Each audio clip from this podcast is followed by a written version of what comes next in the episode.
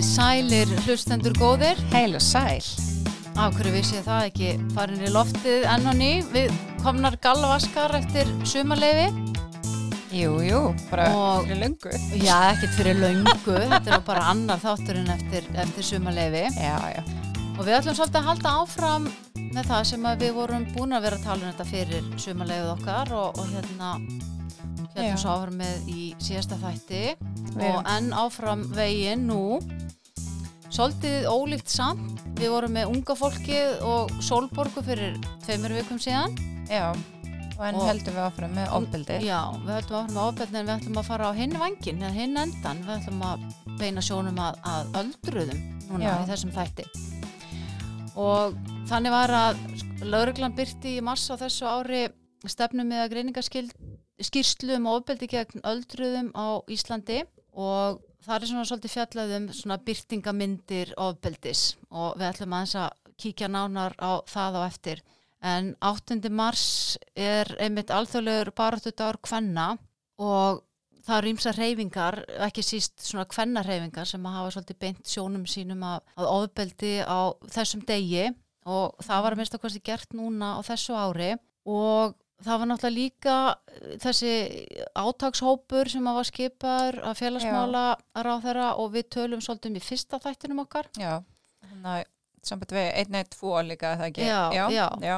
og, og það var einmitt byrt erindi sem sagt Sóra Optimista letu gera erindi uh, þar sem að sjónu var beint að ofbeldi gegn öldrum og var í samstarfi við einnig tveir átak Rauðakrossins Mm og þetta er aðgengilegt á YouTube og mögulega á fleiri stöðum en svo sem að held þetta erindi heitir Sigrun Huld Þorkristóttir og hún er sérfræðingur í öldrunarhjúkurun mjög aðteglisvert erindi Já, sem að ég hveit fólk til þess að finna á, á YouTube nú eða bara að hlusta á þennan þátt Jú, því að við Bæði höfum bara. fengið hana Sigrun Huld hérna til okkar í rapprýmið og við ætlum aðeins að beina sjónum að ofbeldi gegn öldruðum og svona kannski já, byrtingamyndum og tala um reynslu Sigrunar sem að er nú bara, já, hókin af reynslu í, í málefnum aldraðra. Já. En ég rætti aðeins um það áðan Sigrun Höld varandi sko byrtingamyndir ofbeldis gegn öldruðum. Eh, Fólk er kannski stundum með svona ákveðnur hugmyndi það heyri bara þetta orð ofbeldi. En byrtingamyndanar eru alls konar. Getur þú svona aðeins farið yfir þetta með okkur? Hva, hvað erum við að tala um þegar við erum að tala um ofbeldi gegn öldruðum? Já, auðvitað þegar að maður segir orðið ofbeldi þá sjá allir fyrir sér reittan nefa á loft. Mhm. Það er sér líkamlegt ofbeldi, Mhm. beinlíni, sparsmíðar, spark eða annað þess áttar. En uh, samkvæmt þeim litlu rannsóknum sem eru til þá er það í raun að vera ekki sérlega algeng byrtingamynd ofbeldis gegn öldruðum allavega. Nei. En þó með þeim fyrirvara að líklega mjög mikið falið. Þetta er svona eins og borgar í sjati Mhm. mikið undir yfirborðinu því það er mikil skömm sem að tengist því að vera gamall maður eða kona sem að verður fyrir ofbeldi og fólk er ekki að segja frá Og er það reynsla þín úr þínu, já, svo við fáum nú bara að vita þinn bakgrunn, svona hvaðan, hvaðan þín reynsla kemur og hvernig Já. kemur að þessu málu? Já, ég hef náttúrulega sko mesta reynslu og þekkingu á uh, þeim hópi aldraða sem að eru veikir eða færtinstjertir Mm. og ég hef sérstaklega uh, skoðað og, og unni með fólki með heilabilun í starfi sem hjúknarfræðingur og þá yfirleitt fólki sem er komið inn á stofnuna því að það er þar sem ég hef unnið en ég hef líka skoðað uh, hvernig er í, í heimahúsum. Um, og þe þessi hópur, fólki sem er með heilabilun er alveg öruglega sá hópur sem verður oftast fyrir ofbeldi. En kannski ekki endilega með þessum hætti að það sé gengi í skrokka á viðkomandi. Nei. heldur er að við getum, við getum skipt þessu niður, við getum talað um líkanæft ofbeldi, það er mikilvægt að halda því til haga, Já. algjörlega óþólandi og ólíðandi svo er það sem er kallað andlegt ofbeldi, ímiskona kúun og uh, það hjá öldruðum og það gildur örgla líka fyrir bara veikt fólk, langveikt fólk og fólk með fatlanir sem þarf á, á, á aðstóð að halda Mm. kemur vannræksla og vannræksla gjarnan talin með ofbeldi fyrir Já. þennan hóp. Já. Þannig að, að það er eitt, svo er talað um kynferðislegt ofbeldi og ég held að það sé engin va- vafi á því að það á sér stað í hópi aldras fólks en við veitum ekkert um það. Það Nei. kemur bara, það kemur nánast aldrei fram og það er enga slíkar tölur til. En þar sem þetta er til í öðrum löndum þá er örglega til hérna líka Já, einmitt. en sennilega sko með því fátíðara um, það sem er líka bakgrunnur fyrir ofbeldi gegn öldruðum það er viðhorf til hópsins aldraðir. Já, um, leiða maður segir já ég er nú, ég er nú komin í hóp aldraðra þá koma huggunarat þetta nei, nei, nei, nei, þú ert alls ekki og ég sé sem sagt og svo spræk og hress já, og já, spræk og hress og þannig að fólk sér fyrir sér eitthvað sem er ekki sprækt og hress og sem er ekki gott að vera.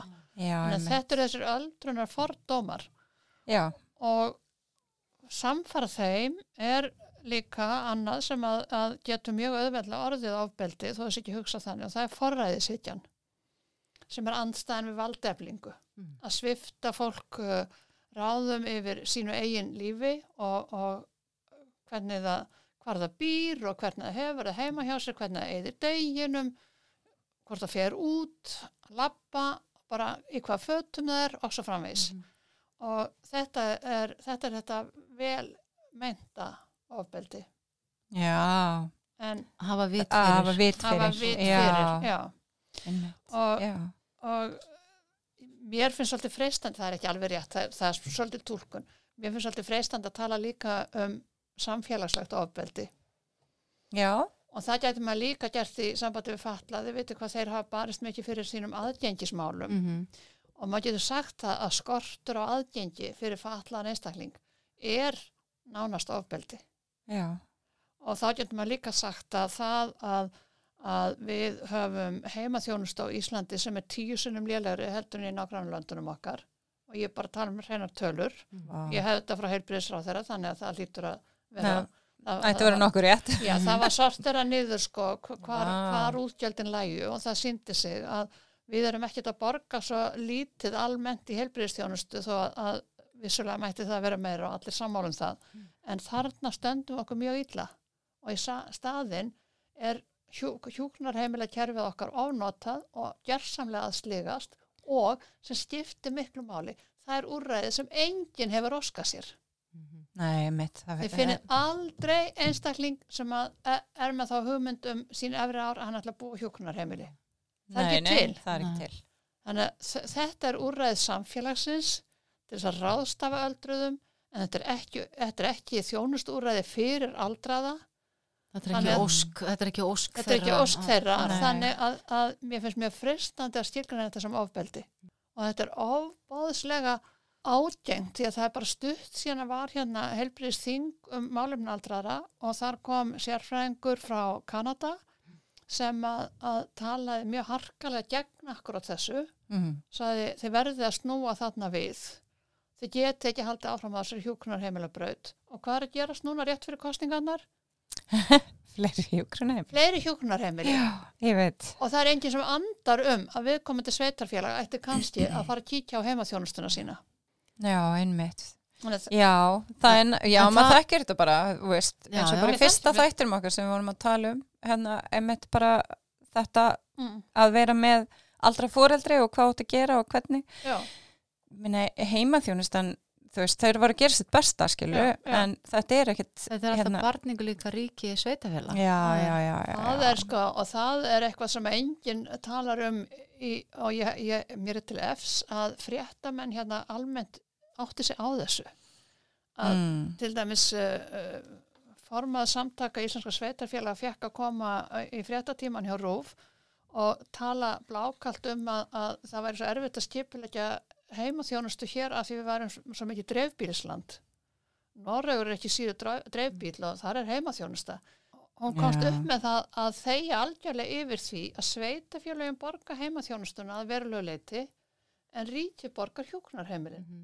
Þannig að íslensku sveitafélagin út um landið já, já. bara senda gamla fólki sitt á hjúknarheimili og þetta er leitið þess að allir og, og, og vissulega gamla fólki líka sér ekki fyrir sér möguleikan á að búa heima með aðstöð eftir að fólk fer að verða virkilega aðstöðar Nei, nei, og Já. bara aðstandendur ekki heldur. enginn sér það fyrir Nei, sér og í nei. umræðinu eftir að hann hafi verið hérna þessi maður heyrði ég mjög mikið að fólk bara saup kveljur þegar að heyrði það miklu fleiri eftir að fara að búa heima Mhm. af því við komumst ekki út úr þess að sjá fyrir okkur þjónustuna sem er í dag Nei, ég, nei, Nei. en bara, í, bara hérna hinum með við pollin í nágrannu löndunum okkar í Skandinavíu þannig er þetta bara allt öruvísi það er bara verið að tala um eitthvað allt annað Og enginn að reyna að læra af því, eða hvað? nei, Við- ekki við- þegar hendar ekki við ströndum, á, pinginni hérna. við ströndum á stjórnsýslunni Já, já, já. Já, já. við ströndum ekki á því að við setjum lítið fjö í aldrunum þjónustu vegna þess að hjúknarheimilin er rosalega dýr þau eru miklu dýrari heldur en nokkur tíman afsaki, ég er komin aðeins út fyrir ofbeldi Já, já, já. en En við þurfum að vita þetta líka. já, mér finnst það líka ofbeldi þegar ég hugsa til þess að kannski, nú er ég 69 ára. Segjum eftir 10 ár þá væri ég þannig sett að ég þyrfti orðið verulega aðstóð af einhverjum ástæðum. Og tilhugsunum um það að ég þyrfti þá að flytja á hjúknarheimili ég upplifa hana sem ofbeldi. Ekkert annað. Vegna þess að ég veit að hinn möguleikin er fyrir hendi Já, þannig að ég ætla að vona að eftir þessi tíu ár þá verði, verðum við snúin að þessari Já, braut. tíu ár. Þú, ég heyri að þú ert bara kona í, í þessum efnum, þannig að nú er bara að láta rödd sína hljóma. Já. Ég, ég veit stundum ekki hvort ég er fræðumæður eða aktivist Eða bæði Það bara. er ekki bara bæði? Er ekki hægt að vera bæði annars? Má það ekki? að? Nei, ég held ekki. Nei, ég ég, held held- að maður ég- með nei. verið bæði núna. já, já, bara mitt nám og starf leiti mig á þá braut að, að af því að mannréttindi aldraðra sem eru veikir og færnistjertir þau eru bara þau, þau eru bara mjög, léleg. Og ég nefndi í fyrirlestrinum hérna, er vinkona mín sem að fór í lagfræðinám og hún skrifaði sína meistararitgerðum Íslendinga sem að dvelja bak við lás og slá sem eru læstir inni með einhverjum hætti skoðaði þessa ymsu hópa og einn hópurinn skar sig gjörsanlega úr vegna þess að það var, var ekkert regluverk í kringum hans innilokun.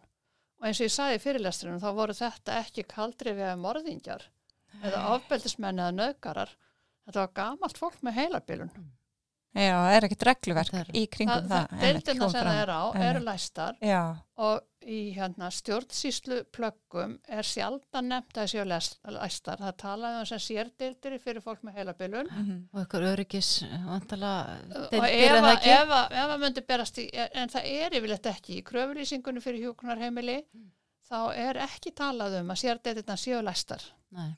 allir vita það, Mm. en enginn segir það þegar ég var að byrja að skoða þetta þá fann ég eitt plagg frá 2008 sem var gæðaráð í öldrunarhjúkrun sem að, að rættu um þetta og komst að þeirri niðurstöð þó að þetta væri nú ekki æskilegt og þá, þetta væri nú að gráu svæði lagalega sem að er mjög pent orðað af því að þetta er ekki löglegt. Nei.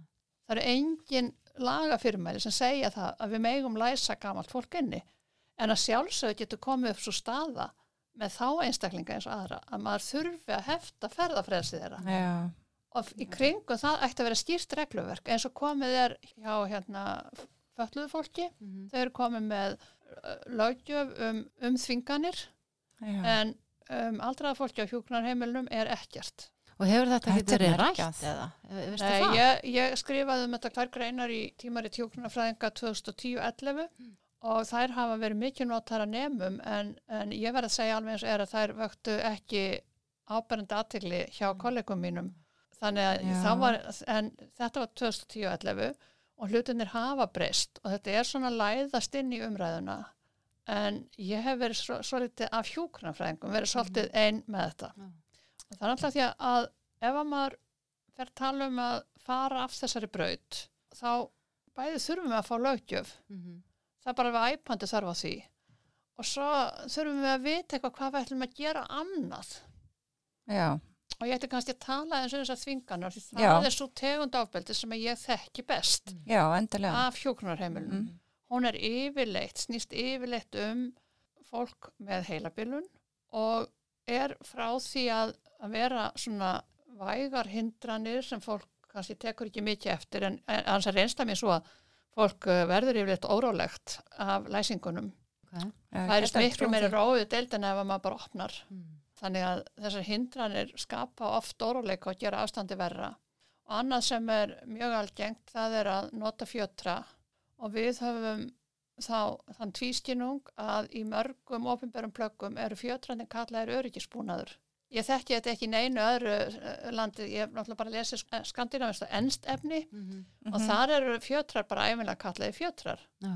Þeir eru kallaðir physical restraints á ennsku, þeir eru kallaðir hérna belti, belti, ég man ekki alveg hvað er orði núna en það er bara Svona gegnsætt Já, samt. og það skiptir engum máli hvort að maður er að nota þetta í góðum tilgangi og jafnvel með samþykki einstaklingsins eða að eigin mati. Mhm. Ég ætla ekki að segja gethóta því að flestir orðnir svona vakandi fyrir því að við þurfum eitthvað aðeins að skoða þegar við gerum þetta. En það sem ég var að vinna seinast þar var allt fólk sem var með heilabilun og mikinn hrumleika sem sat í hjólastól það var með belti yfir sig. Já, ég sá bara ekki undantekningu á því. Og yfirlega voru einstaklingar sem hefðu bara aldrei nokkuð tíma einu sem reynd að fara úr stólnum eða aðrir sem hefðu bara ekki átt að sitja í þessum stól því að þú sestur í stólnum og búið að setja beltið og fólk hefur jú nóg að gera þá er gjarnan fólk ekki tekið úr þessum stól. Þá eigi að vera reglulega Mhm. gönguæfingar. Að sitja þær gjarnan á hakanum Eh, þannig þetta, þetta tvent er algengt. Læsingarnir eru í raun og veru regla. Hjókunarheimil á Íslandi eru læst.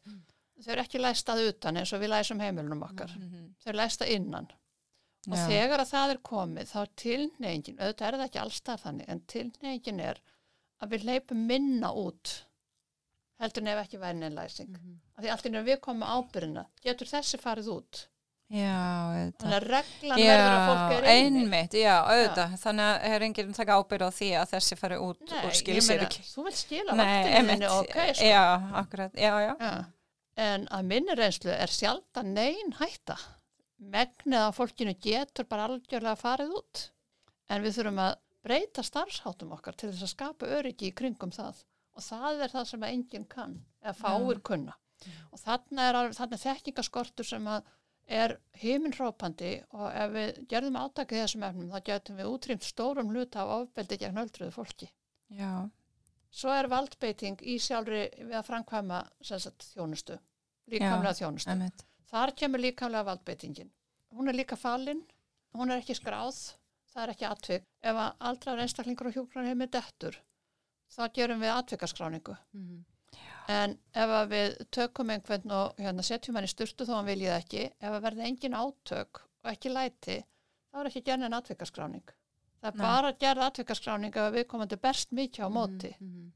En það er alveg jafn mikið ofbeldi. Þegar við tök- tökum kannski meðfærilega konu, við vitum hún vill alls ekki fara í styrtuna, hún segir hún vil ekki fara í styrtuna, hún tjáur mótfylja sinn. Við sjáum hún með þjáningasvip. Mm.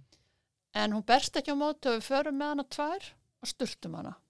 Já, maður kannast alveg bara við þetta, sko. Svo kemur kannski Karl, stór og sterkur, sem við erum pílindir hrættar við, og hann berst á móti og þá getur þetta enda með, með átökum og við höfum dæmum frá allra senustu árum um að það hefur verið kallað á lögregluna sem aldrei nokkuð tíma var gert þegar ég byrjaði í þessum gera sem að segja mér það og ég sé bara merkjum það að hjúgrunarheimilin okkar eru að sligast og það er bara vegna að þetta er svo dýrt kerfi og mannfregt Mhm. að við, við getum ekki haldið áfram á þessari braut. Þetta er svona álíka eins og ef við ætlum að vera með, þið viti, engabílinn bara, ef allir ættu bara að vera einn maður á einum bíl. Hérna. Það er nú svolítið svoleiðis sem við kynst- Það kynntumst svolítið nú svona. áðan. Já, og hvað, er, og, já, og hvað er það að gera við, við hérna, höfuborginu og landið okkar Mm og okkur sjálf? Það er það, það er líka svona hundur sem býtur í halan á sér, það verður bara endalust. Mhm. Já, Og þetta ætla að fjölga hérna hjúkunarheimilum, það er bara galið. En er ekki líka einmitt alltaf bara mannekla? Já, ég ætla Hérna, ekki- að- Mikið af ungu fólki ofta að vinna sem já hefur fara reynslunni, þekkingu, Nei, sko. námskeið bara og eitthvað Já, ég meina og þetta er ekkit auðvelt að Nei, þetta að- er mjög erfitt. Þetta er erfitt starf Já. Mér finnst öldrunarhjókrun vera eitt mesta kræfjandi starf sem að ég hef kynst og það, maður þarf í raun og veru, þyrfti í raun og veru að hafa alveg rosalega mikla hæfileika. Maður þarf að hafa góða þekkingu, maður þarf að hafa innsægi, maður þarf að geta haldið rósinni Mhm. og, og hérna, vera lausnamiðaður og alls konar hlutir. Mhm. Fyrir nú utan það að maður þarf að vera líkamlega vel á sig komin. Já, já. Já, Er þetta þá svona alveg tvöfaldur vandi? Þetta er náttúrulega bæði kannski þessi hérna, fjölgun á, hjúkurunaheimilunum en hvað Og- ætlar að og fá starfsfólki? já, og svo starfsfólki. Bara hörgulla Einmitt, starfsfólki þannig að þetta er alveg svona tvöfaldur vandi. Þetta, er- þetta er það og það sem að... Og eigur líkurnar á ofbeldi? Já, það er það, það sem við stöndum okkur verst í sambandi við ofbeldi og sambandi við kannski bara þjónustu við aldra almennt er akkurat þessi hópur, gamalt fólk með heilabilun sem er komið inn á hjúknarheimili og þetta er fyrst og fremst skortur á þekkingu og hann nær alveg upp í gegn. Það hjúknarfræðingarnir, læknarnir, st- sem sagt, fagstjættirnar eru líka illa að sér en allir vilja gera vel Mhm. og síðan erum við með mítum þennan hópa, hann sé svo ofbáslega erfiður og, og þetta sé svo hræðileg örlög þannig að það hefur verið svona eina stimplun á fólki með heilabilun.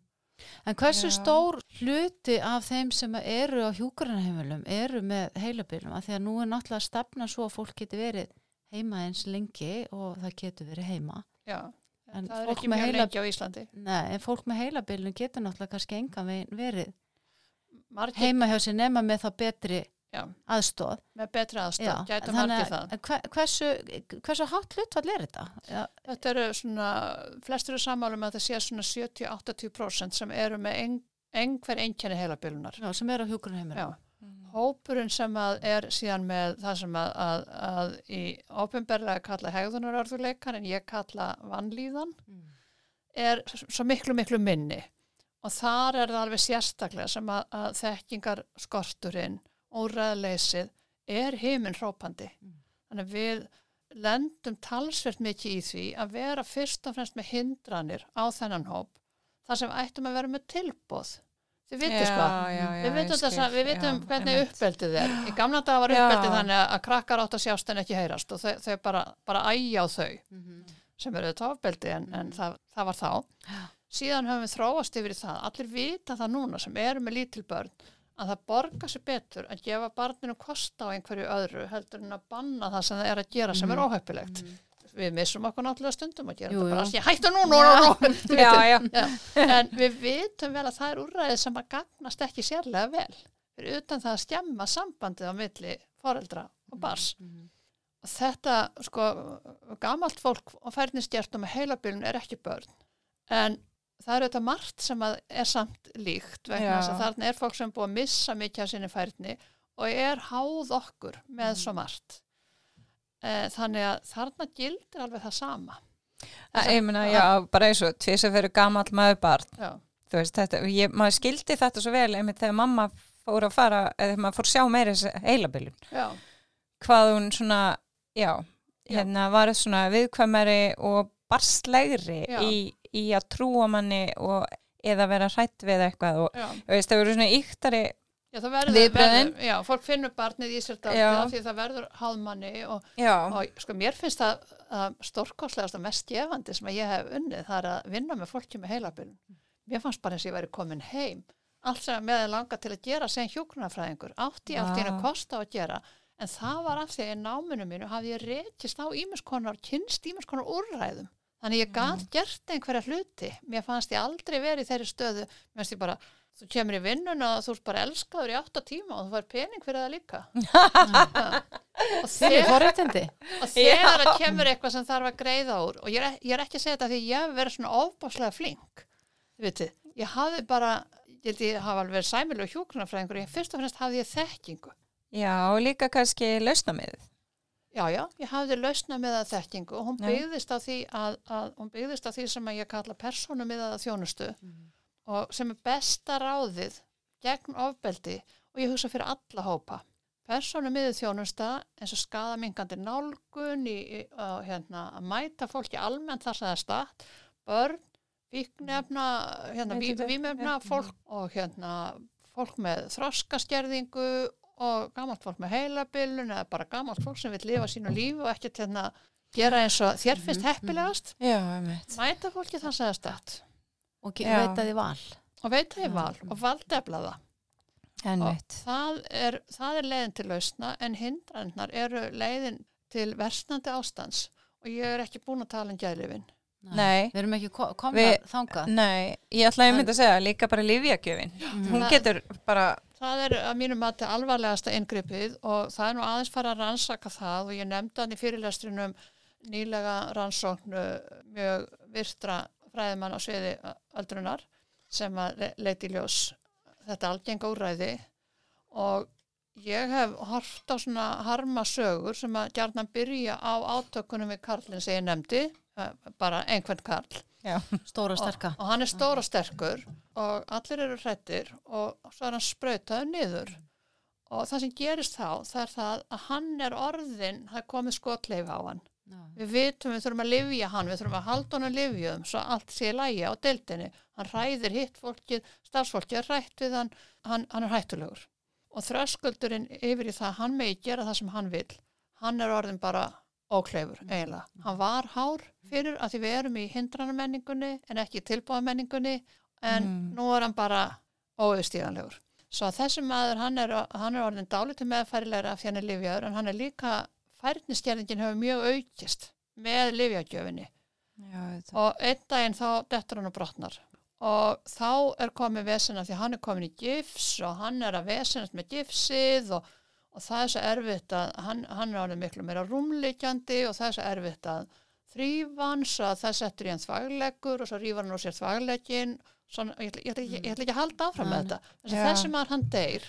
Hann deyr innan skamstíma vikna, kannski tveir, þrjir mánuður ef hann er mjög harður af sér. Og hann á ömurleg ævilokk já, það er þetta sem að er svo hryllilegt. og þetta er óþarft.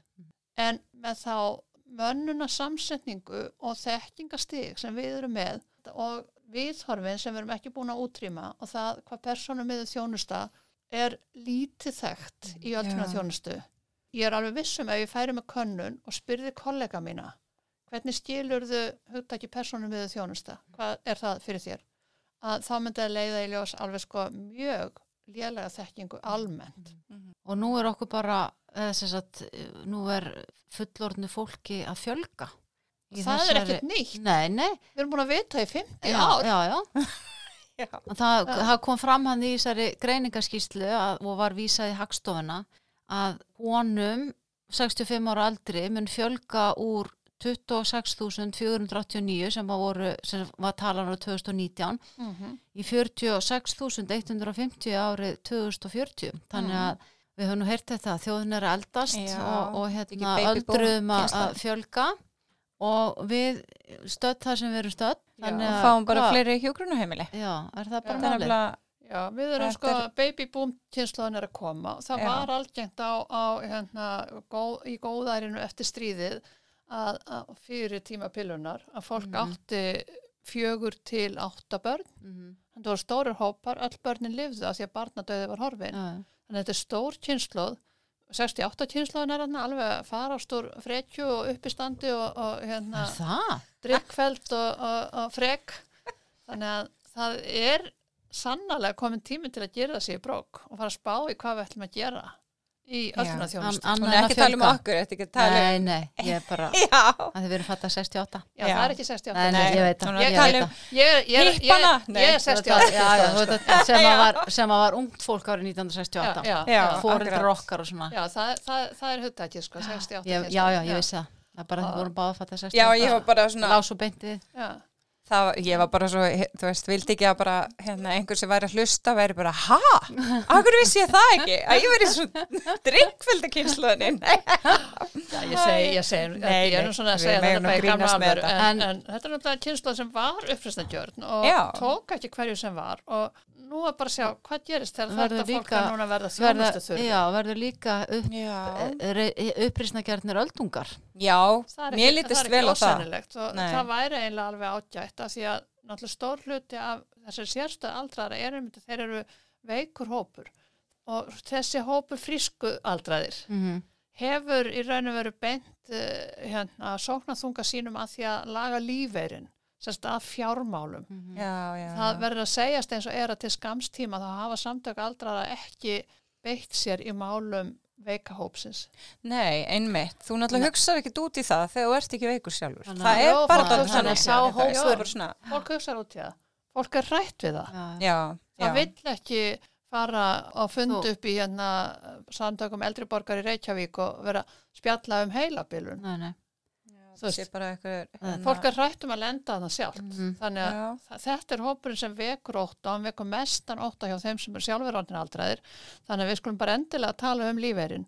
Já. En landsamand eldri borgar er reyndar komið með þetta mál núna. Og, Þetta gæti, þetta gæti horfið bara ef við hættum að tala um það.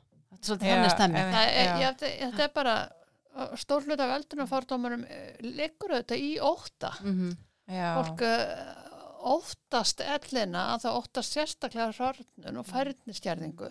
Já, ég segi bara fyrir mig eftir að hafa verið inn á bara spítulum og, og hjúgrunaheimilum, bara núna bara að ganga í gegnum þetta með móðu minni. Já, Ég hræðist mjög að verða gömul. Já. Ég er bara svona, þetta er ekki eitthvað sem ég hlakka til. nei. Ég er bara, bara það- að segja alveg svo er. Það er svo sem ekkert nýtt í, ég meina það eru 2000 ár síðan að Cicero var uppi og hann sá ástæði til að skrifa sérstættirít til varnarellinni -hmm. og það var náttúrulega vegna þess að það var illa talað um ellina líka í hans tíð. Þannig að, að fólk hefur alltaf óttast ellina alveg eins og óttast döðan því að þetta er semst tíminn fyrir döðan og við erum hægt að vera alltaf að fá nýja landvinninga og í staðin erum við svona smátt og smátt að tapa ímsu.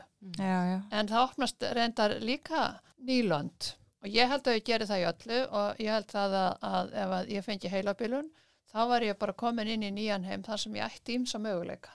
Það er mín Já, afstæð. ok. Já. já En þessi hópur, hann, hann vantar svolítið rödd, við erum búin að komast að því.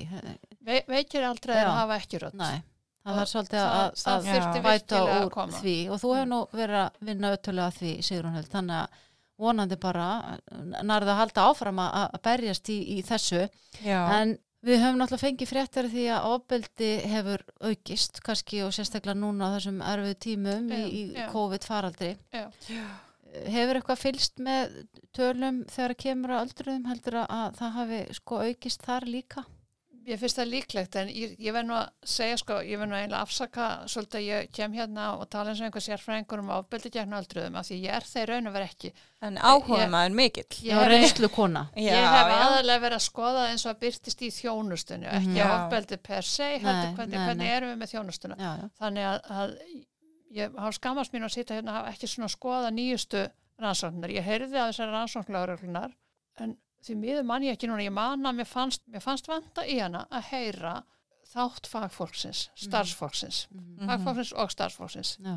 Af því Já. að það er það sem við virkilega þurfum að skoða, við au- auðvitað þurfum við að skoða ofbeldi í nánum samböndum, Mhm. líka hjá gamlu fólki Mhm. og það er sjálfsagt algengasta myndin er bara einfallega sligaður aðstandandi sem er Já. desperat og Já, sér ekki trúað því. aðra leið. Mhm. La- Ég held að það sé lang algengast. En svo er til alls konar valdsvifting og stökusinnum er ekki góður hugur á bakvið.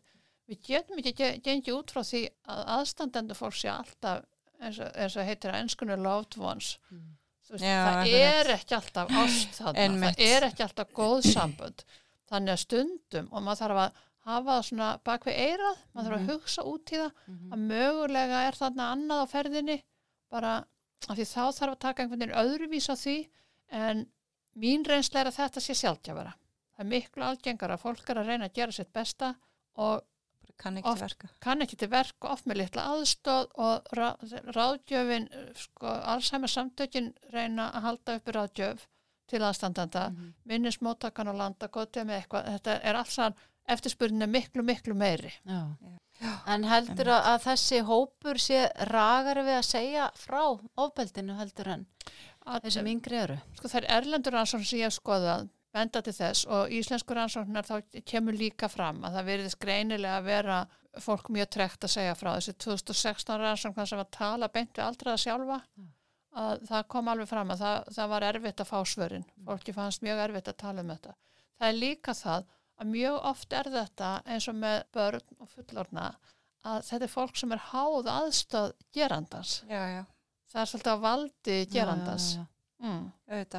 Og það er líka í gangi á hjúknarheimilunum að því að fólk á hjúknarheimilunum, starfsfólk, sem að upplifu nú yfirlega sko bara illa launað og uh, svona ekki mjög hátt skrifa í samfélaginu en það er gífulega valda mikið gagvast sínum já, notendum. já, Þannig að þarna erum við með ójöfn, ójöfn valda hlutföll. já, þetta er svona vandi eins og segir bendir á sko, oft Já. er fólk svo hátt þessum einstaklingi sem er að, já, mögulega beita því óbeldi, Sko lang oftast er svarið ekki einhver að kalla í lögregluna eða kæra gerandan eða eitthvað svoleiðis heldur að hjálpa fólki. Stundum þarf þetta bara að stíja í sundur mm og uh, þá hérna, getur gerandin og, og þólandin ekki verið undir sama þatti eins og í öðrum ofbeldis samböndum á öllum aldri og á hjúknarheimilum getur vissulega komið um svo stað að það þarf að segja upp starfsmanni af því að hann beitir alltaf ofbeldi. Mhm. Ég, ég þekki alveg dæmi um það en þau eru ekki algeng. Nei, Nei. Lang oftast þarf að kenna fólki mhm. og Það þarf að vera vakandi samt fyrir þessu. Já. Að hafa augun opinn, sko. Vi, við þurfum að gera það, við þurfum að fara að passa betur upp á hópinu okkar sem eru veikir og færtinstjartir aldraðir. Mm Því að við getum öll verið þar einhverjan Já. í já, þessum hóp. já, já. Algjörlega. En svona við kannski sem, sem aðstandendur og einmitt og bara fólk sem eru að hlusta og, og eru aðstandendur og, og eins og við erum búin að koma inn á heldur kannski og er í þeirri trú og það sé að gera sitt besta. Mm. Áttu eitthvað svona góð ráð? Ég hlýta að eiga það, ég er, heima, ég er, ég er með auglýsing á heimasíðu alls saman samtakanum, ég veitir já. ráðgjöf og ég er stundum veitir ok, ráðgjöf Já, inn, í- inn í svona en, en ég eh, er bara að því prívat og Mm. hérna, Já, hann er gott að vita því samt. já, það, já, Fólk akkur getur vissi ég leitað það þangað. ekki. Já, Akkur vissi ég það ekki. það Ég hefði viljað ekki. tala við þig á sínu það, tíma. það, eru, það eru nokkrir aðilar þar sko, ég gerir þetta en ég þarf að gera þetta, fólk þarf að borga sko, þannig að þetta er svona, þetta er svona sérfræði aðstof sem er Já, ekki já. niðugreitt Mhm. en það hefur verið mjög gefandi og svo hef ég reynsla af þessu sjálf og, og ég hef ímis ráð Já, og eitt er að mjög mikilvægt er að reyna að sleppa svolítið takinu. Þessi einstaklingur sem er orðin veikur, segjum hann sem er heilabiln, kannski, af því þekki það best, þá er kannski ágætt að tala um það, af því að fólk breytist. Það, það fær ekki nýjan persónuleika, persónun er ekki að hverfa eða, eða persónuleikin að breytast af því hann er mótar í gegnum allt lífið. En fólk breytist samt, vegna það er bara svo mikið, mikið álag að glíma við og fólk missir alls konar færni og hún hefur, af því að þetta er vitræn færni, þá hefur hún svo mikið með hegðun manns já, að gera. Þannig að mamma sem það áttir, hún, þú getur ekki búist við að fá þá konu aftur en samt er þetta sama konan, hún er bara breytt. Mhm. Og þe- þetta er okkar verkefni að sætta okkur við þessa Breytinguna, breytingu. já. Þannig missi. Sem er mjög erfitt. Já, þú ert ekki að missa mömmuðina, þú hefur mömmuðina en hún er ekki eins og hún var. Nei. Og síðan að spurja sig alltaf hvað ef? Hvað ef ég leif henn að vera í peysunni ránkverfi fyrst að hún vill það? Já, akkurat. Já, Hvað Hvað ekki? eftir það Já. einhver máli? Veist, Hvað gerist? Hvað gerist ef hún fer einu út að ganga? Það er Já. ekki sama hvar er. nei, nei. Nei. En mögulega, sko, oft er fólk nefnilega með miklu meiri styrkleika heldur en við vitum. Og þegar við byrjum með allar hindranirnar, af því við erum hrætt, Mhm. þá koma nýjir konfliktar og við sjáum verstu hlýðar á okkar fólki. Mm. Þannig ef maður getur bara sleppt þessum tökum og left fólki að gera svona svolítið það sem vill og bara fylgjast með hvað gerist og, og ef maður þarf að grípa inn í að gera það muna sko að, að fólk með heilabilun er yfirleitt alltaf hrætt og fólk sem er háð að, aðstöð annara þó það sé bara með hrumleika af ymsu tægi. Mhm. Það er líka hrætt af því það er ógnun að lifa svona Já, Já. og við þurfum að muna það að þegar einhver hérna, skammast og segir að við höfum stólið glerugunum að því að finnur þau ekki og, eða jafnvel slær til manns og er, er bara mjög reitt Mhm. undir þeirri tilfinningu, grunntilfinningin er ræðsla þannig að við þurfum að veita öryggi það er okkar hlutverk ef við gerum það og reynum að fylgja fólki þannig að segjum þú þarft að gera eitthvað, þú þarft að fá einhvern til þess að fara á s- snirtinguna og fá til þess að leifa að skipta um stykkið Mm. það er til dæmis algeng aðstæða og við komum til vill það alls ekki um, þetta getur enda í ofbeldi sem er, er verður nöðsynlegt Mhm. ef að aðst- aðstæðunar eru nóg slæmar Mhm. en oft ef að maður hefur þessa sín þá getur maður svona reynda að koma með, ertu til í að gera svona og fylgja sko viðkomandi? Veita hugreistingu, veita stuðning. Þetta er afstæð, þetta er rosalega mikið spurning um afstöðu og svo megum við ekki missa okkur. Þetta er eins og, alveg eins og við þekkjum með börnin. Við byrjum að öskra á börnin, þá er leikurinn tapar og og veru. Já, já, algjörlega, en þetta er líka svo, þú veist, svo gerist þetta svo hægt og sígand og maður einhvern veginn áttar sig ekki á því og maður er komin í þessa stöðu. Já, og þá er allt í hennu þarf maður að fara einmitt, að hugsa þetta allt út frá eins og þú ert að tala um Mm. að hérna hversu alvarlegt er þó að þetta sé svona eða svona skiptir kannski ekki öllu máli Nei. skilu, En- en svo- bara vera svona smá ljúfur líka en svo að ráðgjöfun er aldrei eins hjá neinum einstökum vegna þess að Nei, engin einn einstaklingur er, það er ekki hægt að segja, fólk með heilabillinu er svona. Nei, nei, Nei. þetta er, Fólk þetta er einstaklingsmiða, það þarf að horfa hvern og einn. Það þarf að horfa hvern og einn og vera með honum. Já, Það er það sem þarf. þetta er nú búið að vera aldeilis fræðandi, upplýsandi já, mjög. Þetta er bara, Takk. og já. dásanlegt að fá því hérna í, í þáttin til okkar. Þið með ekki mér á mikið. Nei, frábært innlegg bara inn í þess inn í þessa baráttu bara. Þetta er frábært innlegg og Mhm. bara mælum með YouTube Við- hérna já, og svo segjum við bara go go Sigrun Höld, bara áfram með þína fyrir baráttu. Komuna. Takk fyrir. Eindislegt og við bara spurning Bryndis mín hvort að við höldum eitthvað áfram með þetta? Við sjáum til Jú, en þetta er allavega bara ég fyrir allavega ekki langt frá því það er þá fordómar næst. Þetta er allavega nóg í byli bless bless. Bye.